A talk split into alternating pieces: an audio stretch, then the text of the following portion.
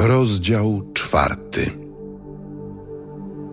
A kiedy Pan dowiedział się, że faryzeusze usłyszeli, iż Jezus pozyskuje sobie więcej uczniów i chrzci więcej niż Jan, chociaż sam Jezus nie chrzcił, lecz jego uczniowie, opuścił Judeę i odszedł znów do Galilei.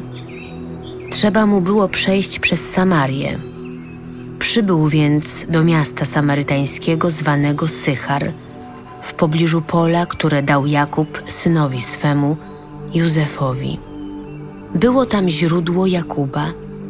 Jezus, zmęczony drogą, siedział sobie przy źródle. Było to około szóstej godziny. Wówczas nadeszła kobieta z Samarii, aby zaczerpnąć wody. Jezus rzekł do niej: Daj mi pić. Jego uczniowie bowiem udali się przedtem do miasta, by zakupić żywności. Na to rzekła do niego Samarytanka: Jakżeż ty, będąc Żydem, prosisz mnie, Samarytankę, bym ci dała się napić? Żydzi bowiem i Samarytanie unikają się nawzajem. Jezus odpowiedział jej na to: O gdybyś znała dar Boży i wiedziała, kim jest ten, kto ci mówi, daj mi się napić, to prosiłabyś go, aby dał ci wody żywej. Panie, nie masz czerpaka, a studnia jest głęboka. Skądże więc weźmiesz wody żywej? Czy ty jesteś większy od ojca naszego Jakuba, który dał nam tę studnię i on sam z niej pił, i jego synowie, i jego bydło? Każdy, kto pije tę wodę, znów będzie pragnął. Kto zaś będzie pił wodę, którą ja mu dam, nie będzie pragnął na wieki.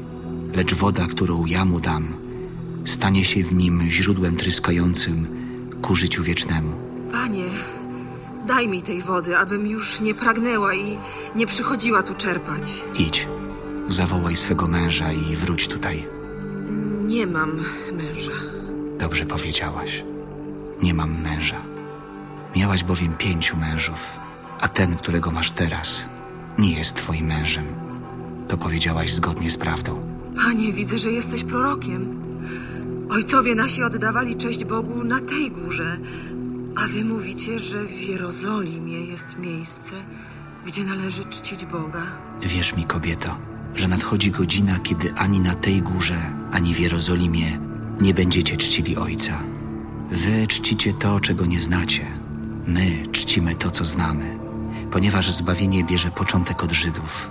Nadchodzi jednak godzina, nawet już jest, kiedy to prawdziwi czciciele będą oddawać cześć Ojcu w duchu i prawdzie, a takich to czcicieli szuka Ojciec.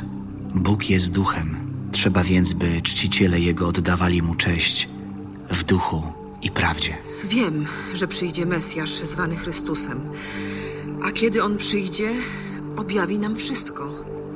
Jestem nim ja, który z Tobą mówię. Na to przyszli jego uczniowie i dziwili się, że rozmawiał z kobietą. Żaden jednak nie powiedział, czego od niej chcesz lub czemu z nią rozmawiasz. Kobieta zaś zostawiła swój dzban i odeszła do miasta i mówiła ludziom: Pójdźcie, zobaczcie człowieka, który mi powiedział wszystko, co uczyniłam. Czyż on nie jest Mesjaszem? Wyszli z miasta i szli do niego. Tymczasem prosili go uczniowie, mówiąc: Rabi, jedz. Ja mam do jedzenia pokarm, o którym Wy nie wiecie.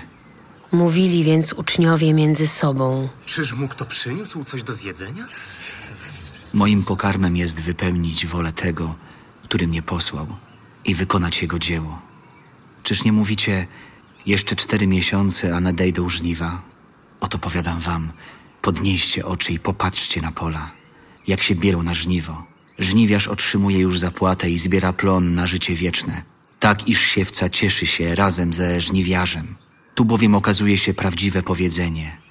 Jeden sieje, a drugi zbiera. Ja was wysłałem, abyście żeli to, nad czym wy się nie natrudziliście. Inni się natrudzili, a wy w ich trud weszliście. Wielu Samarytan z owego miasta zaczęło w niego wierzyć dzięki słowu kobiety świadczącej. Powiedział mi wszystko, co uczyniłam. Kiedy więc Samarytanie przybyli do niego, prosili go, aby u nich został. Pozostał tam zatem dwa dni i o wiele więcej ich uwierzyło dzięki jego słowu. A do tej kobiety mówili: Wierzymy już nie dzięki Twemu opowiadaniu.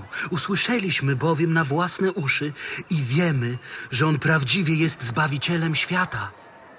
Po dwóch dniach odszedł stamtąd do Galilei. Jezus wprawdzie sam stwierdził, że prorok nie doznaje czci we własnej ojczyźnie. Kiedy jednak przyszedł do Galilei, Galilejczycy przyjęli go, ponieważ widzieli wszystko, co uczynił w Jerozolimie w czasie świąt. I oni bowiem przybyli na święto. Następnie przybył powtórnie do Kany Galilejskiej, gdzie przedtem przemienił wodę w wino. A był w Kafarnaum pewien urzędnik królewski, którego syn chorował. Usłyszawszy, że Jezus przybył z Judei do Galilei, udał się do niego z prośbą, aby przyszedł i uzdrowił jego syna. Był on już bowiem umierający. Jezus rzekł do niego: Jeżeli nie zobaczycie znaków i cudów, nie uwierzycie. Powiedział do niego urzędnik królewski: Panie, przyjdź zanim umrze moje dziecko. Idź, syn twój żyje. Uwierzył człowiek słowu, które Jezus powiedział do niego i poszedł. A kiedy był jeszcze w drodze, słudzy wyszli mu naprzeciw, mówiąc, że syn jego żyje. Zapytał ich o godzinę, kiedy poczuł się lepiej.